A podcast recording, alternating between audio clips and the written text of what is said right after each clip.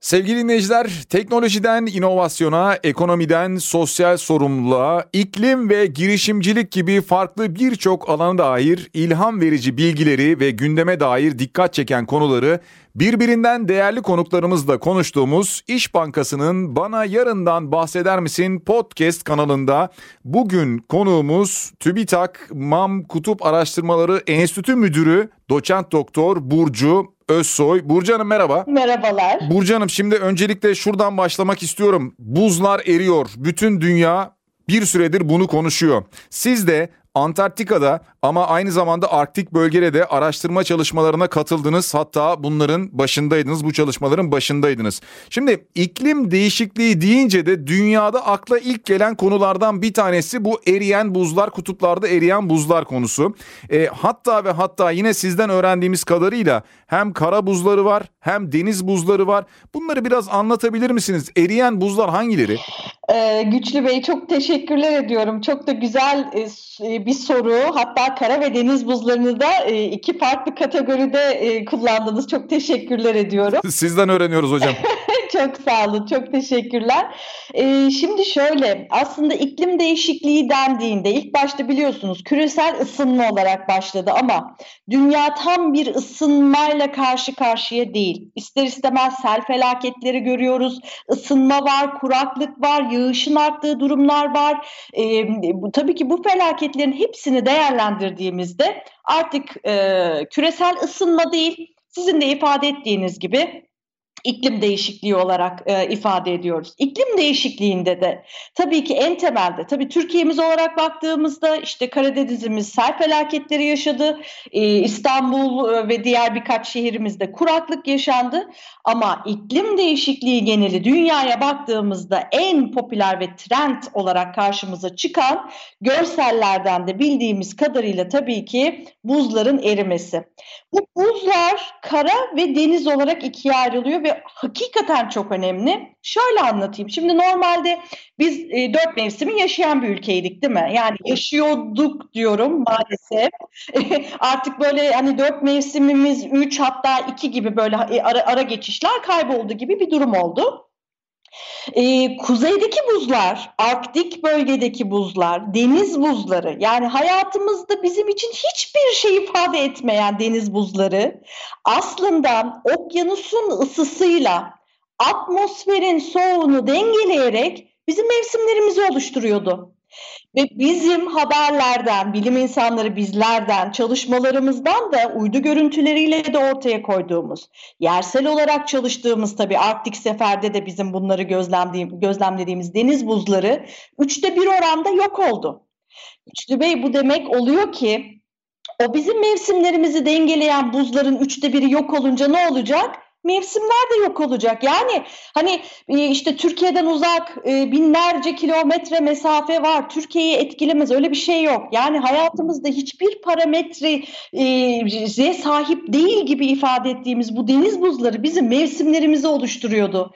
Onların üçte birlik kaybı e, bize şu an mevsimlerimizdeki bu dengeyi bozuyor ve büyük ekstrem hava koşullarını yaşatıyor. Karaya gelince Kara çok önemli. Şimdi kara dediğimiz şöyle bir, bir su bardağı düşünün. Ağzına kadar dolu. İçine buz attınız. Ne olacak? O e, su taşıyacak. Ama normal o suyu dondurduğunuzda aynı seviyede kalacak. Erittiğinizde aynı seviyede kalacak. İşte kara buzlarının da farkı bu. Mesela e, biraz önce kuzeyin Arktik buzlarının erimesinden mevsimlerimiz etkilendi dedim. Güneyin de Antarktika'nın da özellikle karasal buzları %90 Antarktika bir kıta, Arktik Okyanus, Antarktika kıtanın üzeri %98 buzla kaplı.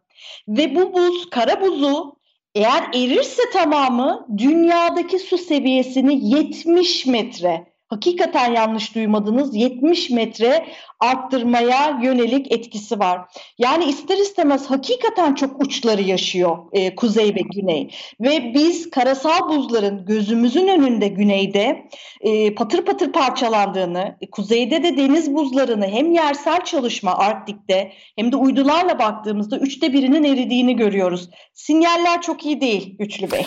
Evet peki şimdi siz buzların erimesinin aslında neye yol açacağını ifade ettiniz. Yani iklim değişikliklerine yol açabilecek ki zaten bunu biz yaşamaya da başladık. Tüm bunlarla beraber şunu da merak etmiyor değilim. Yani sadece eriyor mu? Yani bir yandan bir donma yaşanmıyor mu? Veya e, tüm bu erimenin önüne geçebilme imkanımız var mı? E, donma aslında güney, kuzey için çok uzun süredir. Yani 1970'lerden bu yana uydu görüntülerinden de baktığımızda çok ciddi bir erime trendiyle karşılaşıyoruz. E, ama güneyde çok enteresan ki tabii güneyde bir kıta dedim yüz, yüz, üzerinde yüzde 98 e, buzlarla kaplı dedim ama güneyin de etrafında deniz buzları oluşuyor ve biz bunları sektör bazlı çalıştığımızda yine uydulardan yersel olarak gözlemlediğimizde ve ölçtüğümüzde aslında güney bugüne kadar hep bir artıştaydı. Hmm. Yani e, ortalama trendde bir artıştaydı. Sektörel bazda erime olan da vardı, artan da vardı ama genel baktığımızda bir artış yaşanıyor du. Lakin geçen sene biz hani yaklaşık 100 yıldır kapalı buzlarla kaplı bir alanın tamamıyla erimesi yani artık Antarktika içinde biz bu ifadeyi kullanamıyoruz. Kuzeyle aynı trendleri gösteriyor ki aslında dünyanın yaptığı özellikle iklimsel anlamda e, bu e, e, derecelerin artışı ile ilgili yaptığı e, çalışmalarda hep her zaman bize artı dereceleri artışı gösteren e, sonuçlar ortaya koyuyor. E, buzullar peki kalır mı? Yani eğer bu artış ve devam ediyorsa e, gelecekte hiç buzul kalmayacak mı? İşte o bambaşka bir durum. E, kuzeydeki eğer e, şöyle anlatayım, e, deniz buzları e, atmosferin soğuk hava etkisinden bizi kurtarıp aslında dengeyi sağlıyordu kuzeyin buzları. Hı hı. Şimdi kuzeyin buzları kalmazsa Şimdi dünya daha önceden buz çağlarından geçti. Hani bizim o Hollywood filmleri elimize patlamış mısırları alıyoruz, izliyoruz. İşte dünya donuyor, eriyor ama bunlar normalde dünyanın geçirdiği e, vakalar, e, süreçler. E, deniz buzu da atmosferin soğuk hava etkisinin altında kalmamamızı sağlıyor. Arktik'teki deniz buzu. Peki orası kalmazsa ne olacak? İşte o zaman o Hollywood filmlerindeki gibi atmosferin soğuk hava etkisinde kalıp maalesef biz dünyamızın tekrar buz çağı yaşama tehlikesi de söz konusu. Hmm. Yani bu böyle bir sonuca yol açabilir. Peki bu sonuç e, bahsetmiş olduğunuz yani şu an bize her ne kadar o filmlerden dolayı ütopya gibi geliyor olsa da yakın bir geleceği mi işaret ediyor yoksa daha uzak bir geleceği mi? E, e, tabii dinleyicilerimizi de çok ürkütmeyelim, korkutmayalım. Hani e, hemen bu önümüzdeki 50 senede 100 senede olacak bir durum değil. değil. Bilim insanları Hı. hakikaten çalışıyor. Yani e, kuzeyin ne zaman buzsuz, tamamıyla buzsuz kalacağı yönünde senaryolar var. İyi senaryolar var. Bu senaryo dediğim aslında oturup işte böyle e, senaryo yazarları gibi hani senaryo senaryo yazmıyoruz ama e, dünyadaki iklimi etkileyen parametrelerin çalışarak, çalışılarak modeller oluşturuluyor. O modeller ortaya senaryo koyuyor. Bu senaryolarda iyi senaryolar var, kötü senaryolar var ama hakikaten çok yakın gelecekte böyle bir durum söz konusu değil ama biz yine de e sanayileşme, hava kirliliği, e, genel e, yarattığımız kirlilik bunlardan uzak durmamız lazım ki biz en azından eşik değerini geçmeyelim. İşte o eşik değerine geçersek hiçbir senaryo veya model e, bize hani gerçeği yansıtmamış olur. İşte o zaman e, yokuş aşağı gideriz. Peki hocam şimdi siz kuzeyden başlayıp güneye doğru ilerleyen bir büyük derin akıntıyı anlatıyorsunuz. Çok da güzel anlatıyorsunuz. e, bu büyük derin akıntı e, nasıl gerçekleşiyor ve nelere sebep oluyor? Biraz anlatabilir misiniz bize? E, çok güzel bir soru Güçlü Bey. Aslında önden beni bu soruya hazırladınız. İşte asıl hikaye bu. Deniz buzu oluştuğunda kuzeyde e, deniz buzu oluşurken onu da ben aslında hem e, sunumlarımda hem öğrencilerimle bir araya geldiğimizde işte e, halkla bir araya geldiğimizde onu anlatıyorum. Mesela kar yağdı diyelim. Kar yağdığında belediyelerimiz ne yapar? İşte kaymayalım, düşmeyelim, yollar kaymasın e, diye tuz serper değil mi? Tuz ne yapıyor? Aslında o buzu e, eriterek bizim en azından o buzsuz versiyona ulaşmamızı sağlıyor. Denizde de tabii ki ister istemez okyanuslarımızdaki tuz oranı bu buzlar donduğu anda salınıyor. E, tuz tabii ki ağır, yoğunluğu fazla. Otomatik olarak okyanusun dibine doğru bir derin akıntı oluşturuyor. İşte o derin akıntı aslında okyanusların ısısını devri daim yapıyor. Bir vantilatör gibi düşünün. Alttan alıyor ısıyı yukarı veriyor. Atmosferle dengeliyor iklimimiz oluyor. Ama tekrar işte başlık söylediğime geleceğim. Kuzeyde üçte bir oranda deniz buzu azalınca otomatik olarak derin akıntı yavaşlıyor. Derin akıntı ki bunun makaleleri çıktı. Ben ben de biraz ürktüm açıkçası. E, bilimsel yayınlarda da artık e, konu oldu. E, bu derin akıntıların yavaşladığı yönünde. E, derin akıntı yavaşlarsa ısı e, salınımı atmosfere zayıflayacak. Zayıflayınca da bu sefer tekrar atmosferin soğuk havasının etkisinde kalacağız. Yani bu derin akıntılar, kuzeydeki deniz buzları hakikaten hayatımızın bir parçası. Yine derslerimde şunu anlatıyorum Güçlü Bey. Mesela işte eliniz kesilir, parmağınız kesilir ne dersiniz? Ah canım acıdı işte canım orada işte acıyor hemen bir yara bandı alır sararsınız. Yani bedeninizde bir kesik bile her şeyinizi etkiler. Psikolojisi, evet. fiziksel olarak ona bir çare bulmaya çalışırsınız. Dünya bedeni de öyle. Bakın üçte ikisi yaklaşık tabii rakamları söylüyoruz. Üçte ikisi sularla kaplı. E, insan bedeni de o. Yani bir insan bedeniyle dünya bedenini aynı düşünmek lazım.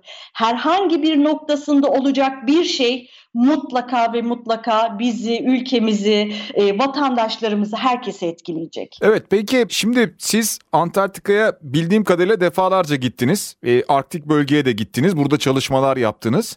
E, bu çalışmaları yaparken muhakkak orada teknolojiyi kullanıyorsunuz. Ama e, anladığım kadarıyla bölgeye gitmeden de bir yandan e, uydularla da incelemeler gerçekleştiriliyor herhalde. Teknolojiyi nasıl kullanıyorsunuz bu bölgede? Hmm, Güçlü Bey aslında teknolojiyi oralara gitmeden kullanmak çok önemli. Şimdi e, e, dinleyicilerimizin de gözünde canlandırmaları için şimdi Antarktika kıtası Türkiye haritasını gözümüzün önüne getirelim. 17 tane Türkiye e, yüz ölçümünü bir araya getirin haritada. E, Antarktika kıtası yapıyor. Bir o kadar da Arktik'te yine Türkiye'nin 17-18 katı büyüklüğündeki bir okyanus. Haliyle bu alanlara şimdi siz bir meteorolojik ölçüm yapıyorsunuz İstanbul'da atıyorum herhangi bir semtinde. İstanbul'un herhangi bir semtindeki ölçüm Ankara için doğru mudur? Değil. Değil. Şimdi, haliyle hani Türkiye'nin 17 kat büyüklüğündeki iki alanda ayrı ayrı artı 34 diyelim. iki alanda toplam düşündüğümüzde e, ister istemez bu alanları genel olarak yukarıdan uzaydan e, uydularla bakabilmek ve bu verileri daha genel e, alabilmek ve değerlendirebilmek önemli. Çünkü siz sahaya gittiğinizde o noktada bir XY noktasındasınız. Siz mikro bir lokasyonunuz var. Ama o kadar büyük ölçekli ki baktığınız alan. Yani e, gidip çalışmak ayrı ama gitmeden önce mesela biz Arktik'e, kuzeye de giderken, güneye de giderken mutlaka deniz buzlarına baktık. Çünkü gemiyle içinden geçebilmeniz mümkün değil. Tabii ona göre gemi kapasitesi, işte buz kıran gemileri olabiliyor, buza güçlendirilmiş gemilerle gidebiliyorsunuz ama e, hiçbir zaman bu buzların içinden geçmek istemezsiniz. Çünkü çok kalın buzlardan bahsediyoruz. 2 metre, 3 metre, 5 metrelik buzlardan bahsediyoruz. Şimdi haliyle önden yapılan çalışmalar çok önemli. Tabii bizim için de şu gurur da var. Biz hem Göktürk hem Rasat uydularımızla da e, hem kuzeye hem güneye e, gideceğimiz alanlara da bakabiliyoruz. NASA'nın uyduları var, Avrupa'nın uyduları var. Tüm uyduları aktif bir şekilde kullanıyoruz ve kullanmamız da gerekiyor. Peki e, siz bu bölgelere gittiniz. Bu bölgelerden e, nasıl sonuçlar çıkardınız? Yeni bir takım keşifler çıktı mı? Örneğin işte tarımsal üretimde istenmeyen bitkileri yok etmek için e, yaygın olarak kullanılan bazı kimyasal maddeleri zararsız hale getirilen bir bakterinin bulunduğu da ifade edildi. E, ne gibi keşifler çıktı buradan? E, e, aynen dediğiniz gibi yani bu keşif bizim için hakikaten büyük bir gurur. Hem Arktik'te hem Antarktik'te Antarktika'da keşiflerimiz oldu. Ama bilim insanlarımızın ben hepsiyle ayrı ayrı gurur duyuyorum. Çünkü mesela bir e, örnek alırsınız işte bir bakteri türü bulunur. E, bu bizim işte Türk e, bilim insanlarının literatüre kattığı bir özellik olur, örnek olur. Ama aynı zamanda hem kuzeye baktığımızda hem güneye baktığımızda dünyanın geçmişi de oralarda. Mesela Antarktika özelinde söylemek gerekirse işte Antarktika'nın o karanın üzerinde, kara parçasının üzerinde yaklaşık 4000 metrelere ulaşan buzları buzlar 1 milyon 1 milyon yıl öncesinde donmuş buzlar güçlü bey. Yani mesela işte dünya ülkelerinin orada bilimsel çalışma yapan dünya ülkeleri 3000 metrelere iniyor. 3000 metreden bir buz örneği alıp gelip laboratuvarda erittiğinde işte 800 bin yıl önceki 1 milyon yıl önceki o dönemde donmuş karbondioksit miktarını ölçebiliyor. Yani hakikaten hafıza. E, o dönemdeki tabii ki oluşumlar, toprak, kara parçası, atmosfer, en büyük ozon seyrelmesi. Hani halk arasında biz ona ozon deliği deriz. Antarktika'da hiçbir dünya ülkesi yaşamıyor. Bu da ne oluyor? Biraz önce anlattığımız gibi Arktik'ten Antarktika'ya e, gelen e, akıntılar gibi, okyanus akıntıları gibi hava akıntıları da var. Yani hiçbir insanın yaşamadığı bir yerin üzerinde dünyanın en en büyük e, ozon deliğini nasıl düşünürsünüz? Bütün her şey taşınıyor. Yani A'dan Z'ye. Ee, bazı dünya ülkeleri, kuzey e, ülkeleri ilaç e, sanayiye yatırım yapıyor. Bugüne kadar çaresi bulunmayan hastalıklara çözümler üretmeye çalışıyor. Bizim bilim insanlarımız da, e, Kutup Araştırmaları Enstitümüzün web sayfasında da en azından bizim ulusal seferler cephesinde yapmış olduğumuz yayınlar 41 kere maşallah diyelim 3-4 senenin içinde 41 makaleye ulaştık. Ne Ve, güzel. çok sağ olun. Hani makale dediğiniz böyle 6 ayda bir senede yazılabilecek bir şey değil getiriyorsunuz örnekleri hem Arktik'ten hem Antarktika'dan laboratuvarda inceliyorsunuz, yayınları hazırlıyorsunuz, e, bu hakemlere gidiyor geliyor vesaire. Yani bundan sonra bizim tabii ki çok büyük ivme kazanacak. Bu türleri bulan hocalarımız, uydu çalışmaları yapan, atmosfer çalışan, jeoloji çalışan, deniz bilimleri, ekosistem çok çeşitli bir yelpazeye sahibiz. Dolayısıyla bundan sonra da muhtemelen yine buna benzer şekilde yeni bakterilerle karşılaşmaya devam edeceğiz gibi görünüyor öyle değil mi? Maalesef maalesef. O umarız iyi huylu olur. Böyle bizi pandemide mahveden gibi olmaz. Tabii dileriz öyle olur tabii ki.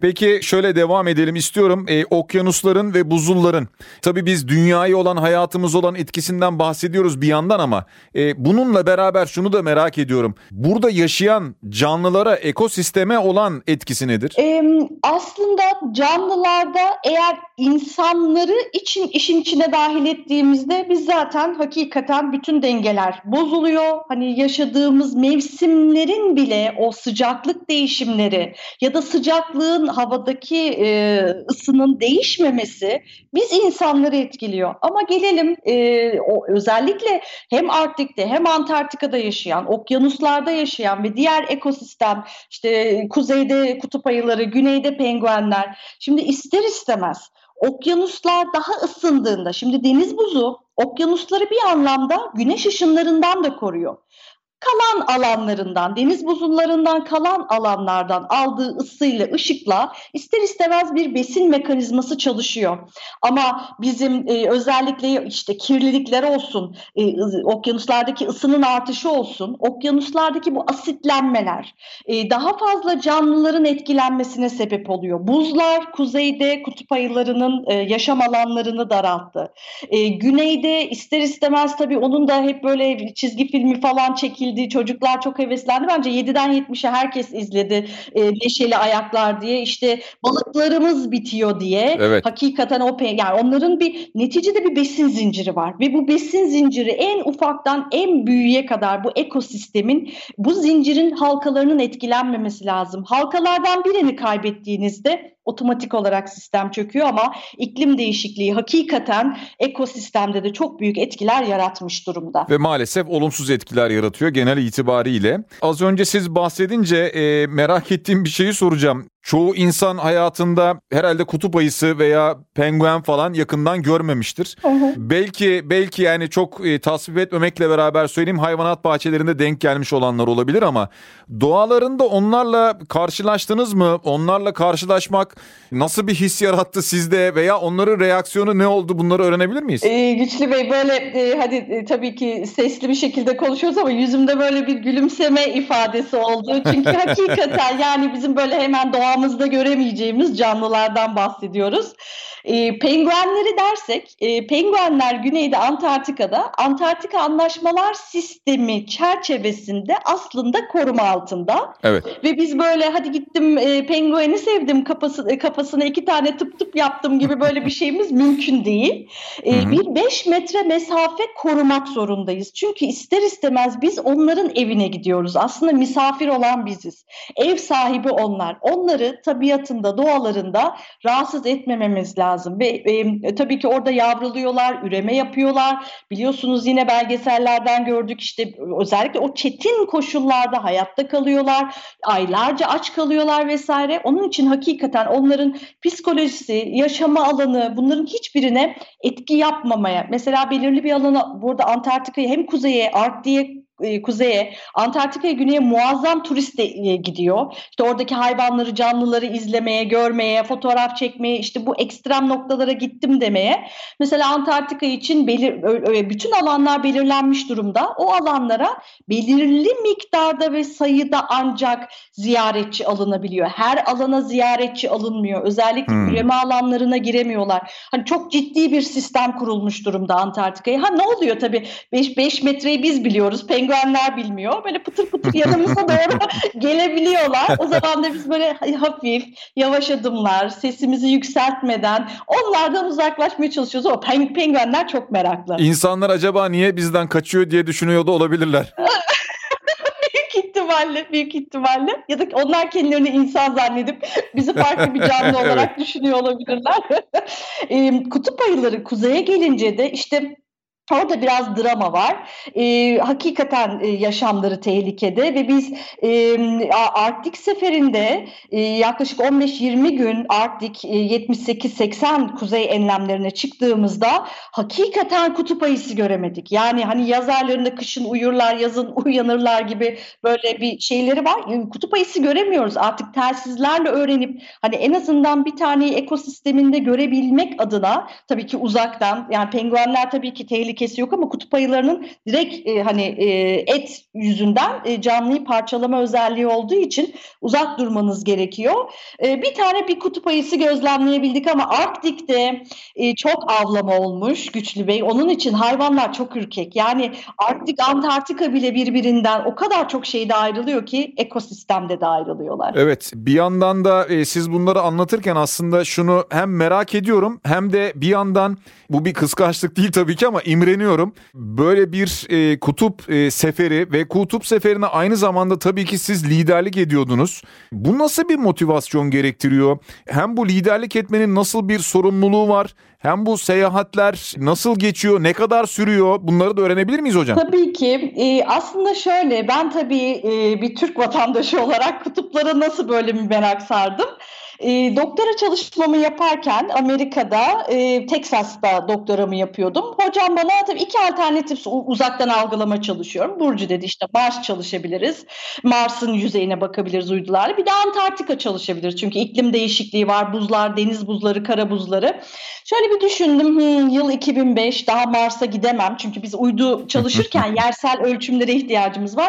Ama en azından Antarktika'nın dünya haritası üzerinde gösterebilecek kadar bir bilgiye sahip Do- doğru. o sebeple Antarktika'yı çalışayım diye ben yola çıktım. Ama o esnada da böyle dünyada çok çalışılıyor, çok imkanlar var e, değil. E, ama tabii bir öğrenci rahatlığıyla işte ulaşabildiğim herkese ulaşmaya, kendime bir network oluşturmaya, o network'ün içerisinde NASA'ya kadar ulaştım. Antarktika'ya 2006 yılında gittim. E, doktor hocamın e, sağladığı imkanlarla. O doktor hocamın ismi Antarktika'ya verilmiş durumda Steve Ackley.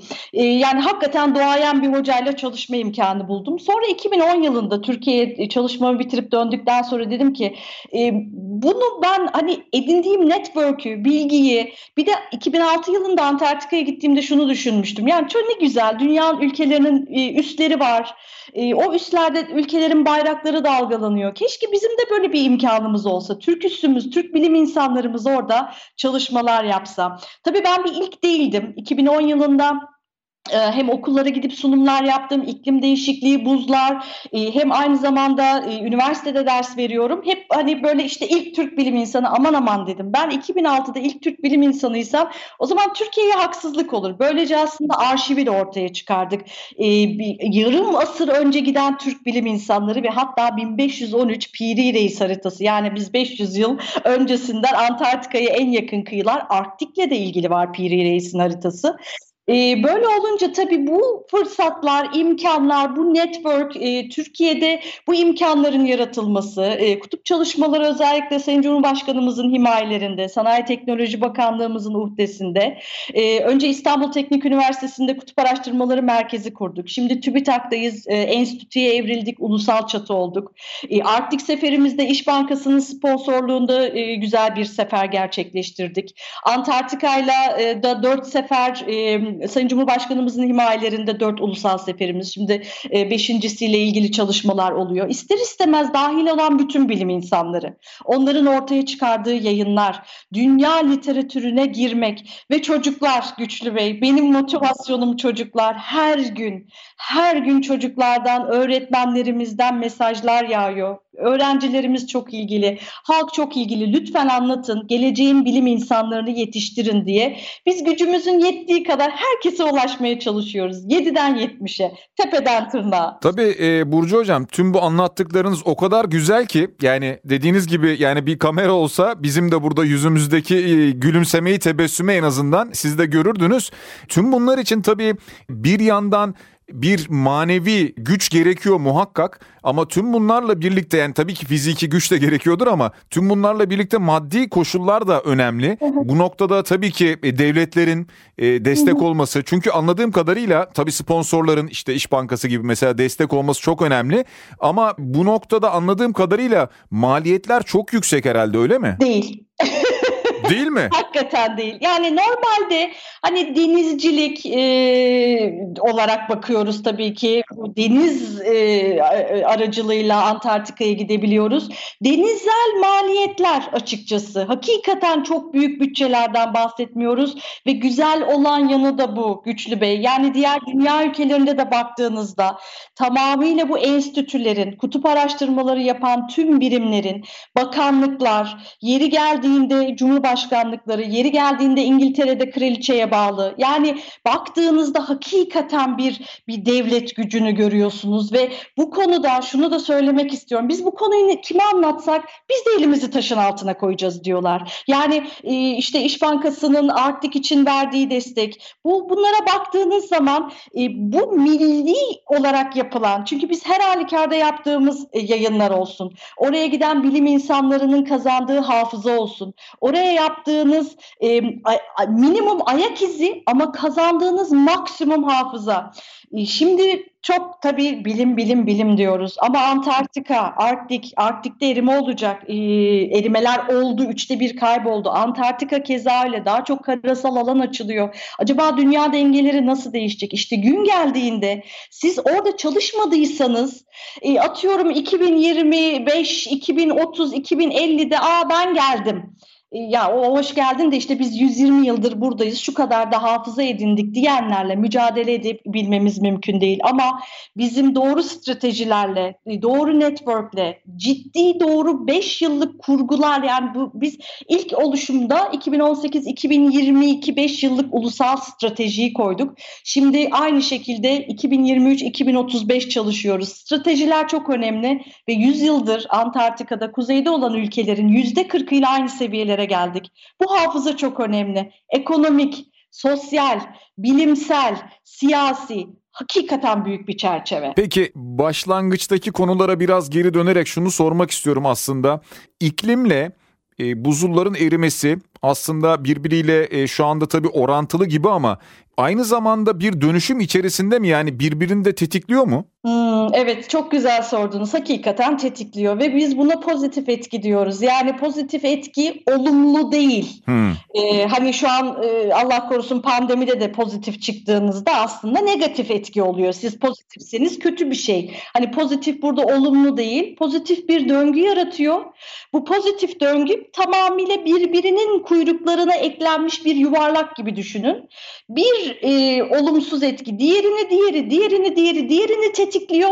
Böyle bir e, döngü oluşturuyor ve en sonki kuyruğuna geldiğinde tekrar başlıyor. Yani birbirini tetikleyen sistemler daha çok erime, işte daha çok salınım e, hep dahaları karşımıza çıkarıyor ve pozitif döngü desem de birbirini tetikleyen olumsuz sonuçlara getiriyor bize. Evet peki tüm bunlar için çözüm yine de bu iklim değişikliğine karşı mücadele vermek herhalde öyle mi? Doğrudur. Eşiği geçmeden, eşik demek ne demek? İşte bir şeyi çok yavaş tırmanırsınız değil mi? Bir dağdır eşik, bir dağın tepesidir, zirvesidir.